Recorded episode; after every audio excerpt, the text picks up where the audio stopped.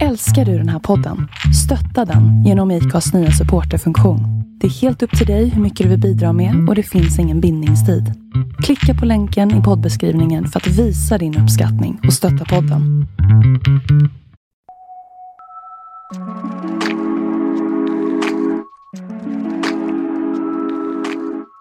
Välkommen till det åttonde avsnittet av Folkets Domstol Podcast. Idag är det ungefär två veckor sedan som restriktionerna släppte.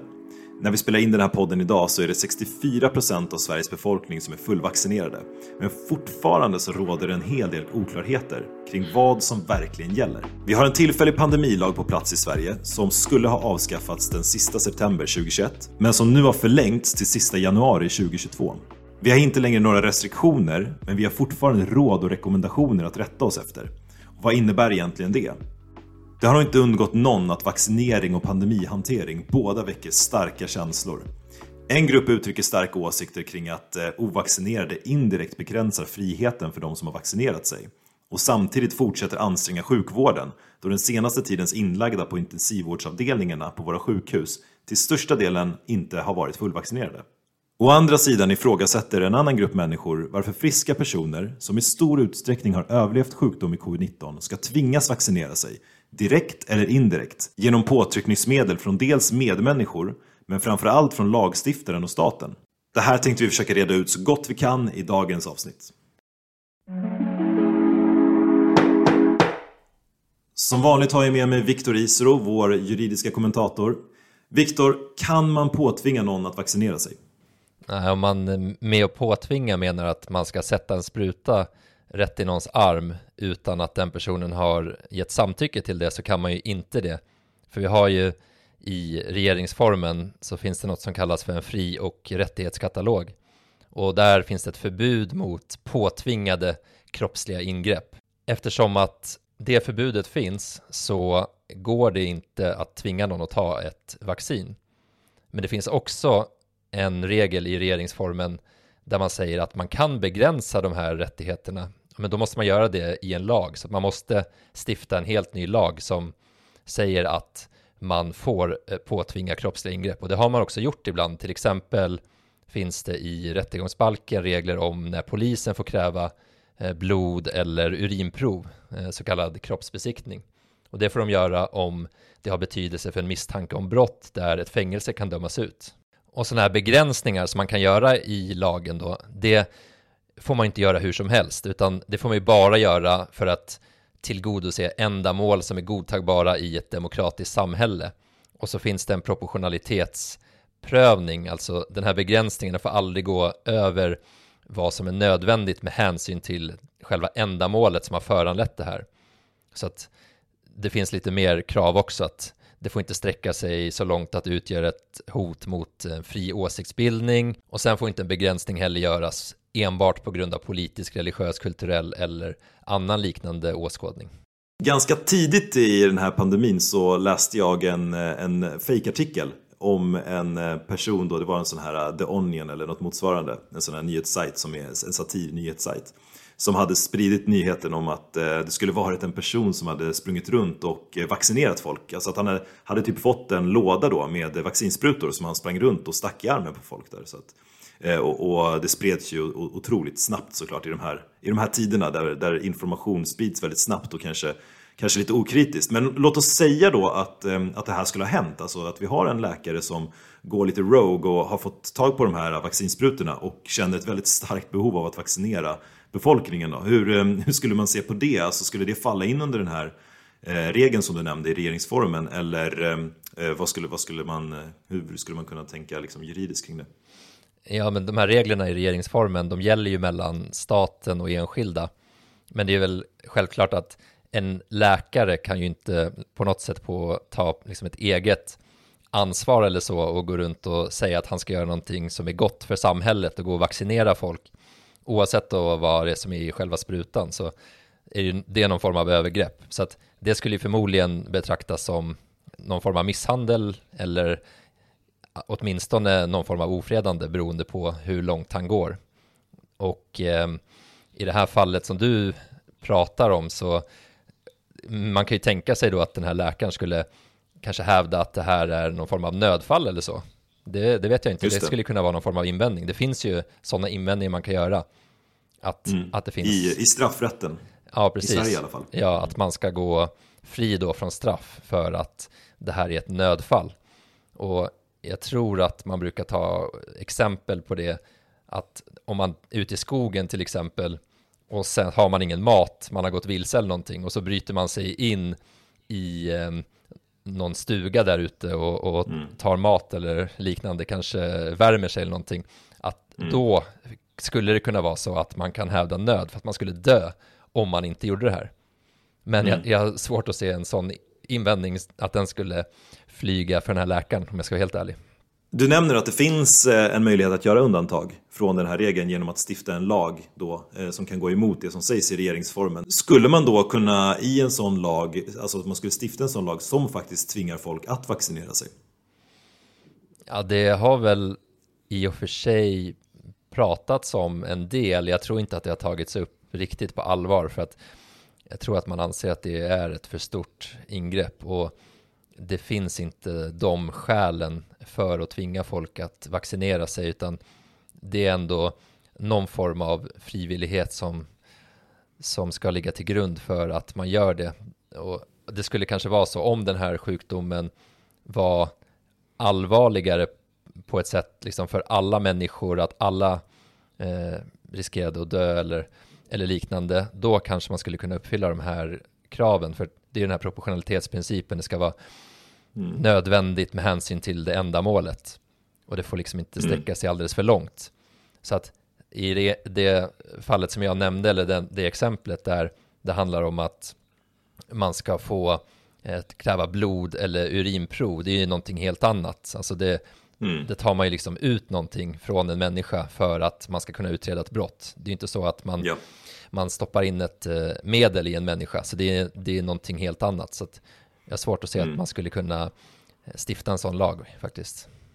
Ja, och det är ju eh, också en del i ett rättssamhälle där vi måste beivra brott helt enkelt. Alltså det, det, ligger ju, det är en av grundstenarna för själva rättssamhället. Att, man, att polis, polisen måste få göra vissa ingrepp i eh, olika friheter och rättigheter. Eh, om man nu är misstänkt för brott helt enkelt. Ja, absolut. Och det är ju inte för alla brott heller, utan det är ju bara för brott där det finns Nej. fängelse i, i straffskalan. Så då är det ju ändå rimligt att man har de möjligheterna. Mm. Eh, och vi går och bara tar upp den här kritiken som vissa har, eh, framförallt som jag har hört från vårdpersonal eh, kring att man, man tycker att det börjar bli lite frustrerande att ta hand om människor som valt att inte vaccinera sig eller som inte är fullvaccinerade. Eh, men framförallt är väl frustrationen riktad mot de som aktivt väljer att inte vaccinera sig och då sen hamnar på intensivvårdsavdelningen. För det är det som har varit ett av de, eh, av så att säga, eh, anledningarna som man har nämnt för att man ska vaccinera sig att man ska i mindre utsträckning riskera att hamna på intensivvårdsavdelningen och därmed som fullvaccinerad minska belastningen på sjukvården. Men hur kan man göra där? Kan vi, kan vi liksom neka människor som är ovaccinerade vård? Det är många som uttrycker att man vill göra det. Jag kan ju förstå att det känns frustrerande då för de här läkarna att se patienter komma in på den här intensivvårdsavdelningen och de allra flesta är ju faktiskt ovaccinerade och då skulle man slippa ta hand om den stora gruppen om det var så att de var vaccinerade. Det är i alla fall de rapporter som vi har fått. Men man kan ju också säga så här, det har ju alltid funnits människor som eh, på något sätt lever ohälsosamt, eh, mm. som tar saker som är dåliga för en själv och därför hamnar på sjukhus. Alltså till exempel rökare eller folk som dricker för mycket alkohol eller på något sätt har... för mycket godis. Ja, men som helt enkelt lever på ett sätt som oundvikligen kommer leda till att du kommer hamna på ett sjukhus förr eller senare och du hade inte gjort det om du inte hade mm.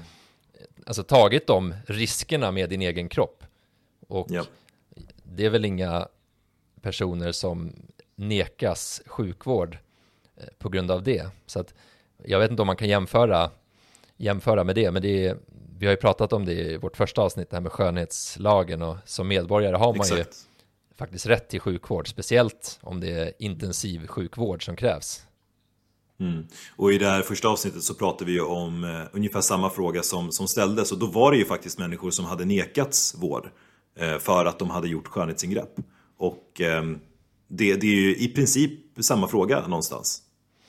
Ja, precis, alltså, men då hade de ju tagit, ja, man kan ju diskutera det om, om det också är att man har orsakat det själv. Där hade de ju gjort det genom att eh, gått till någon person som inte var kompetent nog att göra de här skönhetsingreppen. Men det handlar ju om det handlar ju om ja, att göra sig snyggare och göra sig mer attraktiv. Och mm.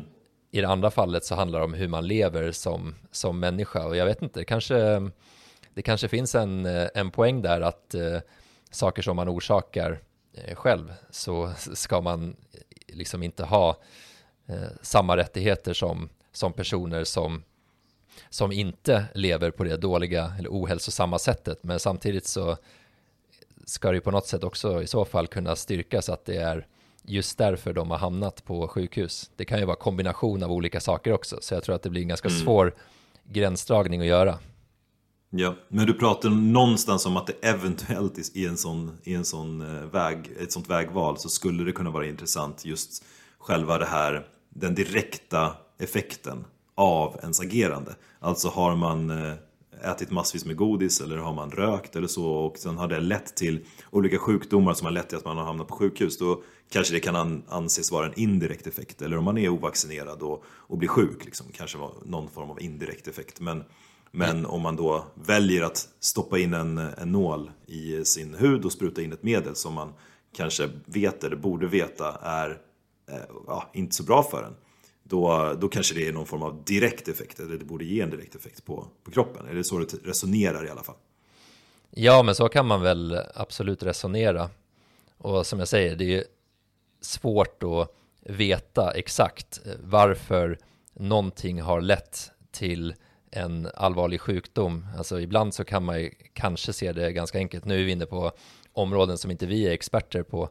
Men, mm. men vad gäller rökning och så, så, så finns det väl ganska tydliga effekter eh, som kan härledas till just eh, det agerandet. Men när det kommer till mat och andra saker så är det förmodligen inte lika enkelt att säga att ja, det var för att du åt eh, ett kilo godis i veckan.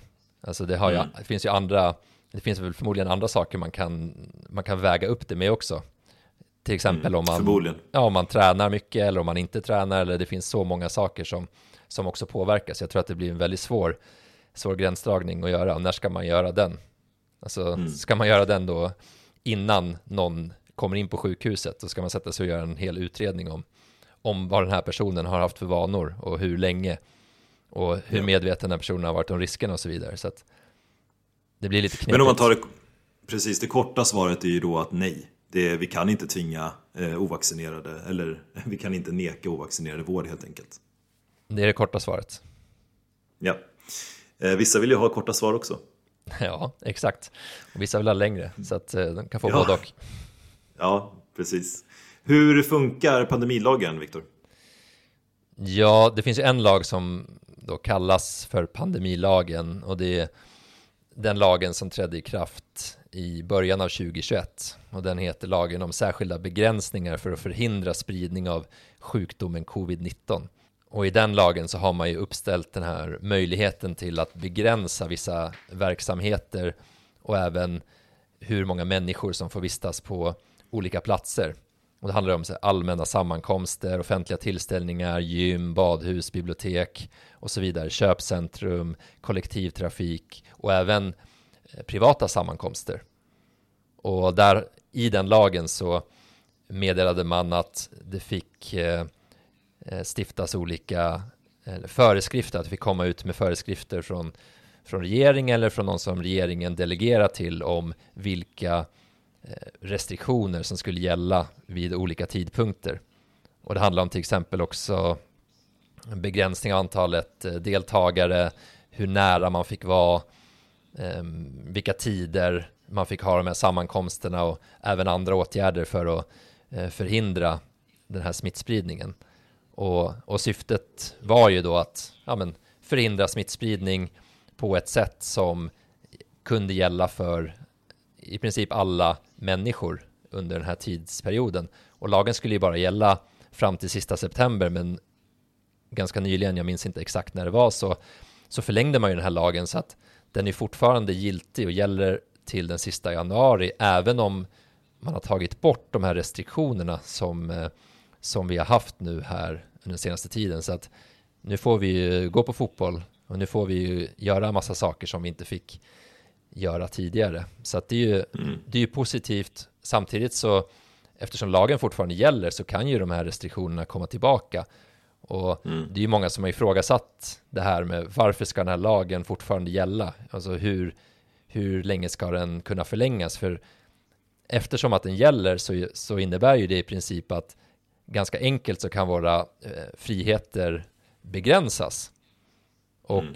om det är så att man ändå har släppt på restriktionerna så är ju frågan då varför ska lagen fortfarande gälla? Ja, det är väl för att man är osäker då på, på om, eh, om hur smittspridningen kommer se ut här under den kommande tiden och vill ha, kunna ha möjligheter att liksom fort eh, bestämma eh, nya åtgärder. Så att det är inte så att de här restriktionerna inte kan komma tillbaka. Jag fattar. Och eh, vad är, eh, såklart, det är klart att de här restriktionerna innebär eh, att man blir begränsad på ett eller annat sätt. Men vad, vad, är den största kritiken mot de restriktioner som har införts? Ja, men kritiken är ju att eh, dels då efter att folk har liksom blivit vaccinerade varför de här restriktionerna ska gälla för alla. Och då har ju vissa sagt att eh, de som är vaccinerade inte borde ha några restriktioner för att det är mindre risk för smittspridning. Samtidigt så är inte risken för smittspridning obefintlig bara för att man är vaccinerad. Och det är, det är många som, som anser att med de här restriktionerna så, så begränsas våra friheter alldeles för mycket. Alltså våra grundläggande friheter och rättigheter som finns i regeringsformen. Och det är till mm. exempel att kunna demonstrera eh, och göra Eh, den typen av aktiviteter som, som man ska få göra i ett demokratiskt samhälle. Ja, och vad är konsekvensen av att man inte får göra det? Alltså, jag menar, alla regler har ju generellt sett någon form av, av straff eller, eller någon form av beivring som kopplats till, till dem. Vad är, vad är det när man inte då får göra en sån grundläggande sak i ett demokratiskt samhälle som att demonstrera? Hur ska man då någonstans hävda sin rätt? Det är väl många som, tycker, som uttrycker åsikter åt det hållet. Ja, men det är väl många som eh, hävdar sin rätt på andra sätt också genom diskussionsforum på internet, genom Facebook, genom Twitter och liknande. Men det, det kan ju inte ersätta den här rättigheten att, att få demonstrera, att gå ihop en stor grupp och uttrycka sina åsikter om att någonting är fel i samhället. Så att det är självklart att det är en, en stor demonstration som har ett politiskt eller något annat syfte är ju inte det är inte ersättbart med att bara kommunicera via internet. Så att mm. det är ju självklart en, en grundläggande del i ett demokratiskt samhälle att man ska få göra det. Så att det, det är inte acceptabelt att det här skulle få pågå längre tid än vad som är nödvändigt. Men hur ska man göra för att liksom Ja, nu, nu, är det ju så. Nu har det ju pågått längre tid än vad man har sagt. Och eh, vem bestämmer vad som är längre tid än nödvändigt? Och eh, vad ska man göra för att förhindra att det blir så? Ja, det är ju eh, självklart svårt för att det, vi kan ju inte, vi kan ju inte bestämma här och nu. Alltså våra, det blir ju någon form av, inte moment 22, men det är ändå så att vi som medborgare, vi bestämmer vilka politiker och vilka partier som ska sitta och bestämma i riksdag och sen så utses en, en regering som styr vårt rike. Så att ja, det är svårt att, att säga exakt hur man ska agera för att man ska kunna påverka det här, för det kan man ju faktiskt inte göra just nu. Man kan ju bara påverka genom att uttrycka sina åsikter och sen så mm. ja, försöka få de då företrädarna för de här partierna att eh, fatta de besluten som man tycker är rimliga. Men det är ju väldigt svårt när man är mm. mitt inne i det att eh, ja. få ändringar i de här reglerna. Och vi har ju sett då att det har ju skett demonstrationer ändå. Jag kommer inte ihåg vad de hette men det var ju under den här restriktionen, den starkaste restriktionen när det var eh, att man inte ens fick eh, mötas flera personer på plats så var det ju nästan tusen personer tror jag som gjorde, eh, genomförde en demonstration i Stockholm. Och visst var det så att det utfärdades en del böter där? Mm, jag vet faktiskt inte om det gjorde det men det, det finns ju en sån möjlighet i alla fall i den här lagen. Mm. Att det är det, den konsekvensen det kan bli om man bryter mot de reglerna, att man kan bli ådömd att betala penningböter. Så, mm. Men det finns ju också, vi pratar om de här eh, pandemilagarna, och så finns ju en till lag som också har stiftats på grund av eh, pandemin och det är den om tillfälliga smittskyddsåtgärder på serveringsställen som också har påverkat mm. oss väldigt mycket. Att vi inte får eh, eh, vara på restaurang så många människor som man kanske vill, man får inte vara där eh, vilka tider man vill eller i alla fall de tider som normalt sett restaurangerna brukade vara öppna. Och den, mm. och den lagen gäller ju också fortfarande. Så att eh, mm. det är också någonting som är väldigt eh, ingripande och där blir också mycket ingripande mot själva restaurangerna. Alltså som mm. inte kan ta emot så många gäster som de brukar eller kunna ha öppet så länge som de brukar. Så att Exakt. det får ju också en stor påverkan på dem på ett annat sätt. Ja, precis. Eh, de drabbas ekonomiskt såklart av det här, eh, av den här lagstiftningen. Och där har vi också faktiskt varit inne och pratat lite om det i vårt eh, andra avsnitt, tror jag det var. Om de här rekordutdelningarna som Volvo gjorde under pandemiåret. Samtidigt som många just restaurangägare kanske har till och med gått i konkurs eller haft svårighet att få ut då pandemistöd. För att i kopplat till de här lagarna så har man ju från regeringens håll också då beviljat olika former av ekonomiskt stöd för att man ska kunna kompensera för de här intäktsbortfallen och slippa behöva varsla personal eller säga upp personal. Men det kan man också gå in och lyssna på om man är intresserad av den biten. Jag läste också i DN en inlaga från ett antal jurister om det här med covidpass. Att man eh, menar att man ska öppna upp samhället och det här var innan man valde att öppna upp samhället och att man ska göra det utan då så kallade covidpass. Kan vi börja med att gå igenom vad är covidpass? Ja, men ett covidpass det är ju någon form av bevis då på att man har vaccinerat sig. Så att man får det i sin telefon till exempel. Jag vet inte, man kan, borde väl kunna få det också på ett papper. Att man kan visa upp det då, att det här är, mm. jag har fullgjort den här eh, vaccinationscykeln, alltså två eh, vaccinationer, eller två sprutor då. Och det, gäller ju, ja, och det gäller ju hela Europa, samma, samma dokument. Det är väl en EU en överenskommelse inom EU att det här covidpasset mm. ska gälla inom hela EU. Ja, och eh, vad kan det konkret innebära för, för mig som medborgare i Sverige? Och jag vet att den berör såklart när man, när man ska resa utomlands, vi kan väl ta det sen. Men till att börja med då, eh, i Sverige, vad, vad skulle det här kunna innebära? Eller vad innebär det idag?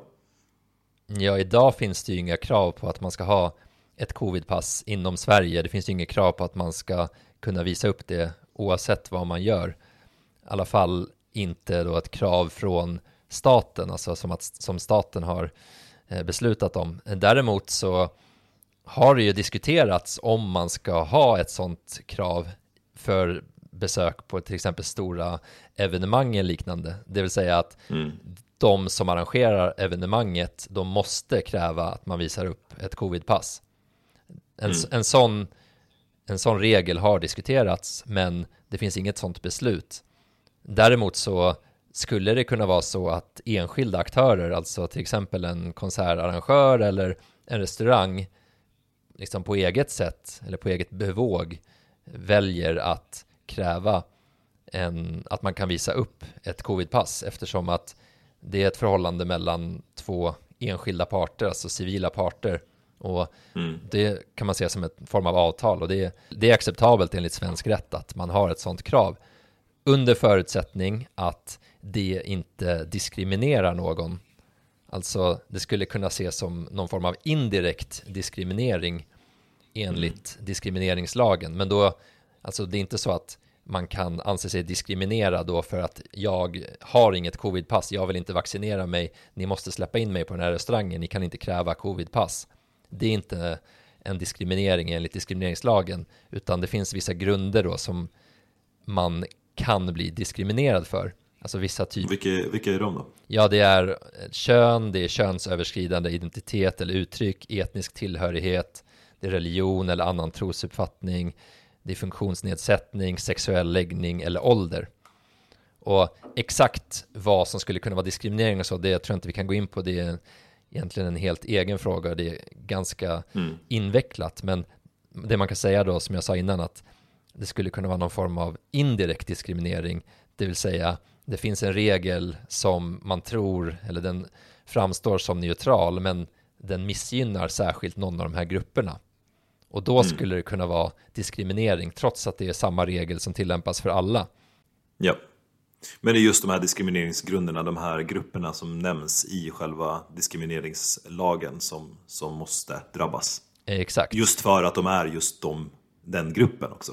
Inte bara att de är en del av den gruppen och drabbas bara generellt, utan den, det de drabbas av måste vara utpekat eh, just mot den gruppen för att det är direkt avhängigt den gruppen. Exakt, man blir diskriminerad på grund av att man tillhör den gruppen. Mm. Så låt oss säga att vi hade vetat om att eh, alla homosexuella vägrat att vaccinera sig av någon anledning. Och eh, därmed så har man valt att ha vaccinpass för att man vet då att då kommer inte några homosexuella besöka det här eventet till exempel. Ett sånt, ett sånt exempel, rent eh, teoretiskt, skulle man kunna prata om, eller? Ja, det skulle i så fall vara någon form av indirekt diskriminering då, som vi pratade om. Som mm. Där ja. lagen skulle kunna tillämpas. Säg inte att det gör, skulle göra det i just det fallet, för som vi alltid brukar säga, måste alltid titta på omständigheterna. Men det låter ju definitivt som eh, att det är i farans riktning att det skulle vara ett sånt fall. Ja, ganska absurt fall. Jag tror inte vi behöver oroa oss för det. Men det kan vara tydligt att tänka i extrema fall ibland för att ja, åskådliggöra själva juridiken. Ja, verkligen. Och eh, vi vet väl att i, nationellt i Frankrike till exempel, där har ju du varit eh, ganska nyligen. Där har de ju eh, covidpass, eller de kräver covidpass för att man ska gå på restaurang va? Ja, de kräver covidpass för att man ska göra ganska mycket. Man ska ju ha det för att komma in i landet om man inte kan visa att man har ett eh, negativt test inom en viss tid. Det är samma sak på restauranger, så man måste alltid kunna visa upp någonting som visar att antingen man är fullvaccinerad och då behöver man inte visa upp några tester eller om man inte har den här vaccineringen då måste man kunna visa upp ett test. Jag menar, det blir om man inte är vaccinerad och så ska man visa upp ett test varje gång man ska gå till en restaurang eller till en butik eller köpcentrum eller eller så, då, det kan man ju förstå själv, det kommer bli ganska dyrt för det är inte gratis de här testerna. Ja, de kostar väl Nej. minst 300 kronor. Så att ja. det är väldigt begränsande då för de som inte är vaccinerande. Och ja. eh, det är ju inte så att eh, det har gått obemärkt förbi. Och vi som har pluggat juridik, vi har ju läst en del rättsfall från eh, Frankrike i, i EU-rätten och vi vet ju att de har en ja. stor demonstrationsvilja jag vet inte om du kommer ihåg de här fallen, franska bönder. Ja, nej, berätta gärna om det fallet. Nej, jag kommer inte ihåg detaljerna, men jag minns bara namnet och att det var väldigt vanligt då att eh, fransmännen demonstrerar i stora grupper när det är någonting som de inte är nöjda med och då var det ett stort gäng bönder då som hade gått eh, ihop för att demonstrera mot någonting mm. som de var missnöjda med. Och det var ju även för några år sedan så var det ju stora demonstrationer med de här gula västarna. Ja, jag var faktiskt i Paris under dem. Ja.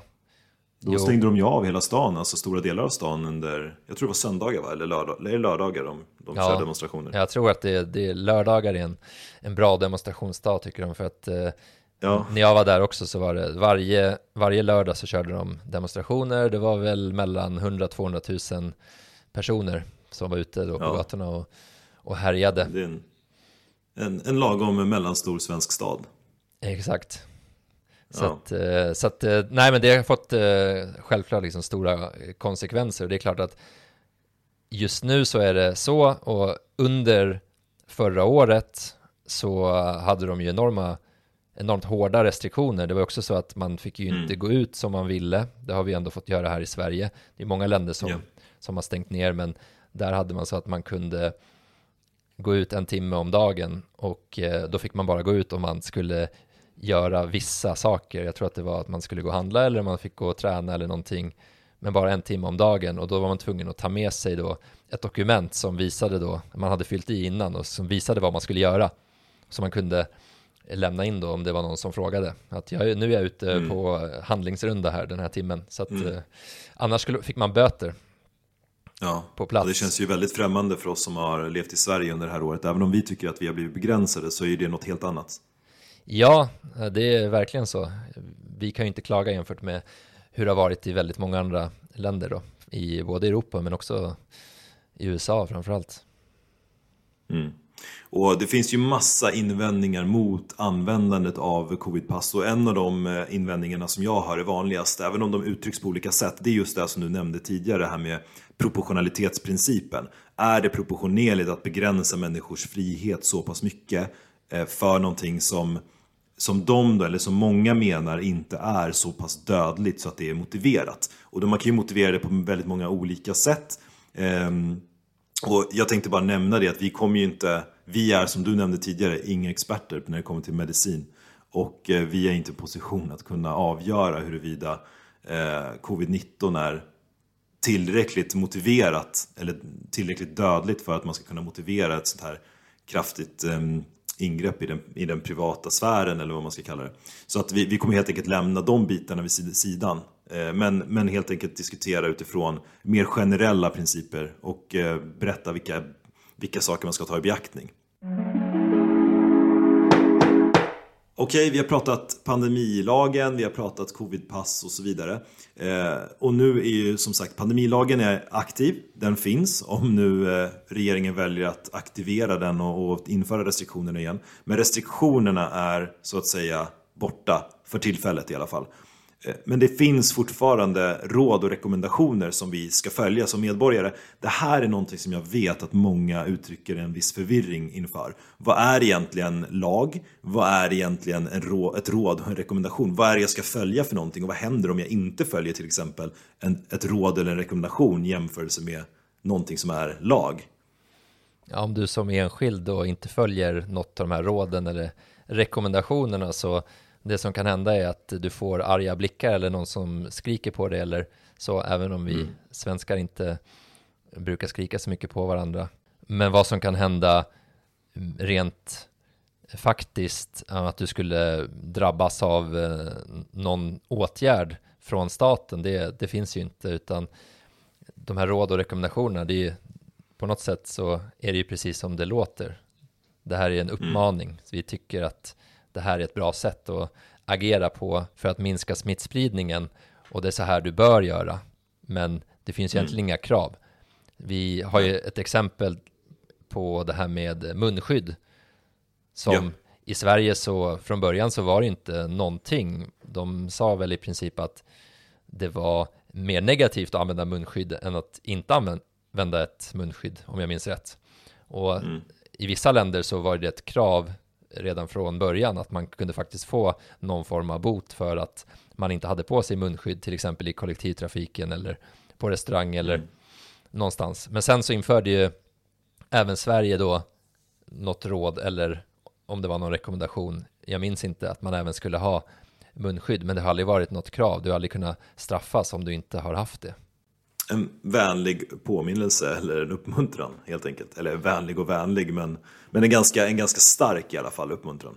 Ja, men på något sätt så är eh, en form av eh, riktlinje för så här bör man agera och man hoppas att människor ska ta sitt ansvar och agera på det viset och kanske då att man ska eh, känna sig lite som en sämre människa om man inte agerar så, om alla andra gör det. Det är väl lite mer så man ska se på det. Det, det låter ju lite som vissa kritiker nämner kring det här eh, moral, moraliserande systemet i, i Kina där man får liksom eh, poäng för att man uppför sig bra och eh, man dras av poäng när man uppför sig dåligt. Ja, lite så. Det, skillnaden är väl att det här registreras inte någonstans så att det är väl mer att man kanske får ett dåligt rykte då i så fall. Men jag tror inte att den risken är mm. så särskilt stor heller. Så att det är väl mer bara så här, ta ert eget ansvar, lite så, mm. och gör vad som, eh, vad som eh, känns rätt. Ja, men visst är det också så att um, de här restriktionerna och råden har ju också lett till att företag måste förhålla sig på ett visst sätt. Jag tänker till exempel att vi har sett många um, sådana här markeringar på stolar och bord och så vidare på restauranger. När det har varit avståndskrav på si och så här många mycket långt avstånd mellan, mellan borden och att man inte får ha två, liksom, fyra personer vid samma bord bredvid varandra eller vad det nu var. Ett tag fick man ju inte sitta mer än en person per bord på restauranger som var i gallerior till exempel. Visst var det så? Ja, precis, och det är väl från den här eh, tillfälliga eh, smittskyddsåtgärdslagen på serveringsställen. Så där var det ju ändå en mm. lag att, mm. att de var tvungna att agera på det viset. Och då fanns det Just också det. konsekvenser då om man inte följde de lagarna. Så det var ju ändå lite mer ja. än, än råd och rekommendationer. Även om det säkert mm. fanns vissa andra saker som bara var råd och rekommendationer som man kanske inte var tvungen att följa. Mm. En annan ganska aktuell fråga som jag ser ganska ofta, speciellt nu när folk börjar komma in i det här efter, ja, vad vi hoppas i alla fall är någon form av post-covid där många börjar bli vaccinerade och så vidare. Eh, det är, och om man ska tillbaka till arbetsplatsen, det är ju då frågan om, om min arbetsgivare kan tvinga mig att vaccinera mig för att få komma tillbaka till arbetsplatsen till exempel. Ja, nu är inte arbetsrätt det som jag jobbar mest med, men om jag förstår saken rätt så skulle det kunna vara möjligt att man kan kräva att den person som man ska anställa är vaccinerad eller att man kan visa upp någon form av eh, bevis på det. Men att man skulle kunna säga upp någon eller inte eh, låta någon komma till jobbet, det blir en helt annan fråga eftersom reglerna om anställningsskydd i Sverige är väldigt starka. Så att det blir en helt annan fråga vad man kan göra för någon som faktiskt inte är anställd eller för någon som redan är det. Men med reservationer för att någon som expert på arbetsrätt har en annan uppfattning så, så skulle jag ändå svara på det sättet. Vi har ju faktiskt läst om ett annat fall ganska nyligen också om en, eh, en MS-sjuk person som faktiskt sades upp från sin praktikplats eh, efter att ha vaccinerat sig. Alltså tvärtom mot vad, vi, vad jag frågade nyss. Då. Alltså har man rätten att göra det, att man kan säga upp en person för att den har vaccinerat sig? Ja, det är en väldigt speciell situation som är helt motsatt då från den som vi nämnde innan. Och, kan du berätta lite om, om det här fallet? Jo, jag har ju läst de här artiklarna, har inte, som jag förstår det så, det har ju aldrig gått till, till rättegång utan det var ju någon SVT eller någon annan tidning, kollega tror jag, som, som skrev om det här den här personen då som eh, han då arbetstränade på ett företag och sen berättade han för sin chef då att han hade vaccinerat sig mot covid-19 och då fick han inte komma tillbaka till, till det här jobbet och till saken då hör att han hade den här sjukdomen eh, multipel skleros, alltså MS. Den fick mm. han när han var 20 år och det är en sjukdom som drabbar det här centrala nervsystemet. Och i det sjukdomstillståndet så säger i alla fall han att eh, då löper man väldigt stor risk att bli sjuk i covid-19. Så därför är det väldigt viktigt att vaccinera sig. Men man har ett väldigt nedsatt immunförsvar. Ja, precis. Så att eh, för honom då så kanske det var liksom livsavgörande att kunna vaccinera sig. Och den här chefen, han hade ju sagt lite speciella saker då till den här tidningen. Han hade ju ifrågasatt om mm. det ens fanns ett vaccin. Mm. Och eh, jag vet inte riktigt vad han menar med det. Nej, ja men um, och, och, vad, vad menar han sen då? Vad sa han mer? Nej, han sa att eh, ingen på det här företaget var vaccinerad och att det fanns en policy då som den här personen hade informerats om. Han var medveten mm. om att man inte fick vara vaccinerad. Och det är svårt att se då vad de skälen till det var egentligen. Mm. Det har inte framkommit. de, de har, nej, det har inte framkommit i den här artikeln kanske. Men, eh, så han, han menar då att det är en policy. Eh, det här är ett privat bolag. De har då informerat honom om, om den här policyn att man, här är vi inte vaccinerade. Och eh, det, det tycker han är grund för att då avbryta den här praktik, praktiken eller den här arbetsträningen. Ja, precis. Ja, så, så uppfattar jag det. Och egentligen då, jag kan inte de här reglerna för, för arbetsträning, men om vi säger om vi skulle jämföra med en provanställning så den får man ju avsluta utan att ha något speciellt skäl för det. Att mm. om man är fast anställd då är det ju en sak, då, då måste det finnas eh, vissa skäl. Men är man ja. provanställd så, så kan man avsluta den oavsett om man har något skäl eller inte. Eh, för det, det är precis som det låter, det är en anställning som är på prov. Men i det här fallet så ansåg det här fackförbundet som den här killen hade, det var Unionen, att han hade blivit diskriminerad på grund av den här sjukdomen, MS. Och då blir det en mm. helt annan fråga om det är därför de har eh, sagt upp honom eller har avbrutit mm. den här anställningen eh, eller arbetsträningen. Så hade, de, hade det här företaget eh, varit mer bevandrade inom arbetsrätten då hade de kanske bara sagt upp honom utan någon förklaring. Hade man kunnat göra så? Om man nu hade velat bli av med någon av den anledningen att den faktiskt var vaccinerad. Varför man nu skulle vilja bli det.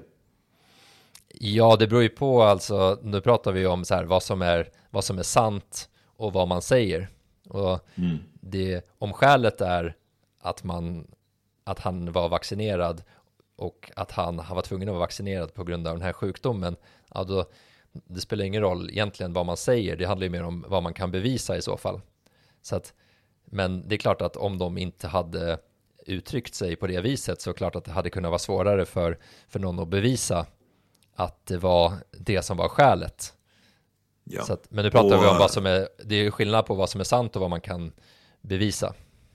Ja, men visst var det så att de, eh, de, de gick med på en förlikning det här företaget? Du kan ju förklara vad en förlikning är till att börja med och berätta lite vad som hände. Ja, men facket stämde ju företaget och fackets jurist sa att eh, det här kravet på att ingen skulle vara vaccinerad det drabbade den här personen hårdare på grund av hans sjukdomstillstånd och eh, det var en form av diskriminering. Så att, och att det blev en förlikning, det innebär ju att det här har inte prövats rättsligt. Det är inte någon domstol då som har fattat ett beslut. Så att Nej. det kan ju vara så att eh, vi vet ju inte hur det här hade gått i domstol om han faktiskt hade vunnit eller inte. Eh, men Nej. när det blir en förlikning då går ju båda parter då med på att hitta en lösning som inte innebär att domstolen dömer utan man kommer helt enkelt ja. överens själva. Och det är ju faktiskt väldigt lockande i många fall att göra så med tanke på att en domstolsprocess kan ta flera år och kosta väldigt mycket pengar. Och, Exakt, det kan vara både tid och pengar som... Ja, och det är inte alltid, det är inte säkert att en förlikning innebär att den som får pengar egentligen hade rätt. Utan det Nej. kan ju finnas olika skäl till varför man ingår en förlikning. Det kan ju vara så att man, mm. man bara vill städa bort någonting, man orkar inte eh, ta i saker, men sa samtidigt så är det ju ofta så att eh, anser man sig ha helt rätt så brukar man ju inte gå med på en förlikning. Nej, generellt. Ja, det är väl i undantagsfall mm. man accepterar en förlikning där man får betala någonting om mm. man anser sig ha 100% rätt. Så brukar det ju vara. Ja, precis.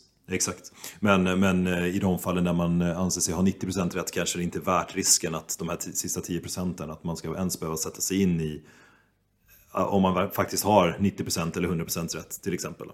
Nej, alltså det är ju en, eh, det är en riskbedömning som man får göra tillsammans med sitt ombud då, om man har något sånt. Så att ombuden informerar ju alltid att det finns en risk att man kommer förlora. Och dels då förlora men också att det kommer ta, alltså rättsprocesser de är ju väldigt påfrestande för de allra flesta. Det är ju få som kan gå igenom det helt opåverkade mentalt.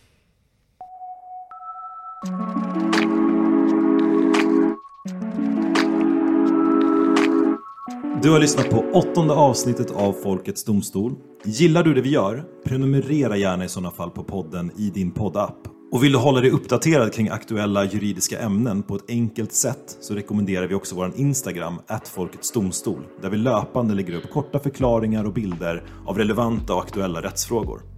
Där kan du också kontakta oss om du skulle ha någon fråga eller besök vår hemsida folketsdomstol.se.